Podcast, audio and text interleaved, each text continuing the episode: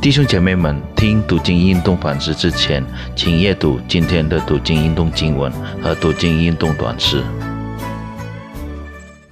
主内的弟兄姐妹们平安，非常的感恩，今天有机会一起来进入读经运动反思。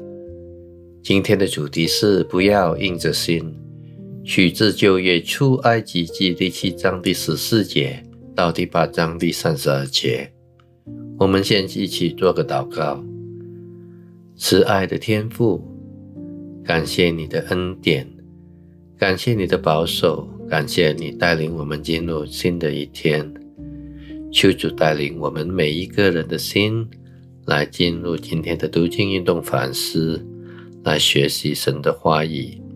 求主赐给我们一颗谦卑的心，来听你的话语。我们的祷告是奉靠主耶稣基督的圣名所求，阿门。用手杖击打尼罗河的举动，第七章第十七节，显示上帝是一切受造物以及埃及众神的掌权者。埃及人视尼罗河为神圣，许多神明都与这条河有关。例如，库努木神是守护尼罗河之神，哈比神是尼罗河之灵。其中一个在埃及被崇拜为最大的神是奥西里斯神。埃及人相信尼罗河流作他们的血，因为如此，很恰当的在第一次遭灾时。上帝将尼罗河的水变作血，尼罗河里的鱼死了，以致河水变臭了。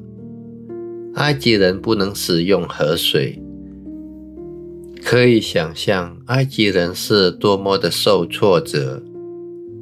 当他们看到本来多么美丽的河流，现在已经不再吸引人了。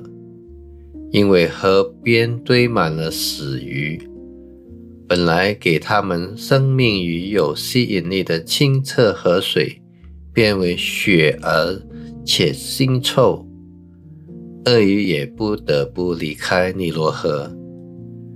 埃及人又怎么样去看待化身为鳄鱼形象的尼罗河神哈比呢？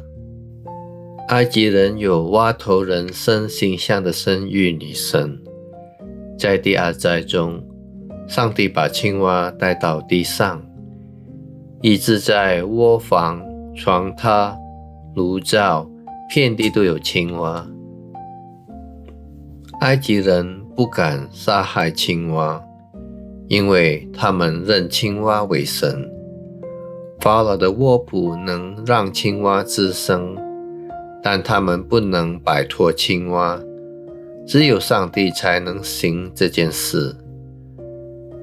第三灾是狮子的攻击，很有可能这灾难是为了羞辱埃及人的信心而设计的。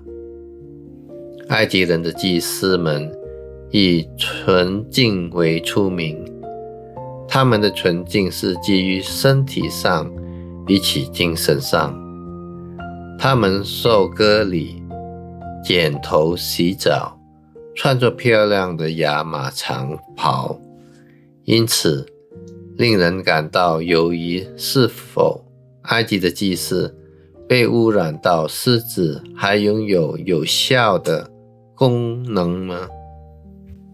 他们的祷告因身上有许多狮子的咬痕而无效。在第四灾，上帝引来苍蝇，由于这些苍蝇的攻击非常扰人，而导致埃及国受难。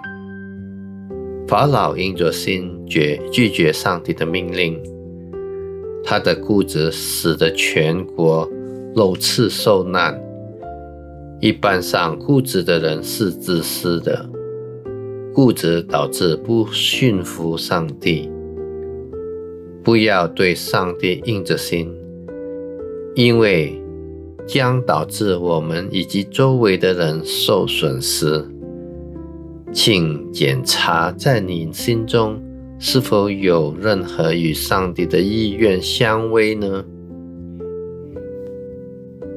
我们一起祷告，慈爱的天父，感谢你透过今天的反思，在提醒了我们，不要做一个固执硬着心的人，因为如果我们固执和硬着心，会让让我们的周围的人受损失。求主赐给我们一个顺服上帝的心。我们的祷告是奉靠主耶稣基督的圣名所求。阿门。今天的反思到此为止，希望大家有一个愉快的一天。上帝祝福大家。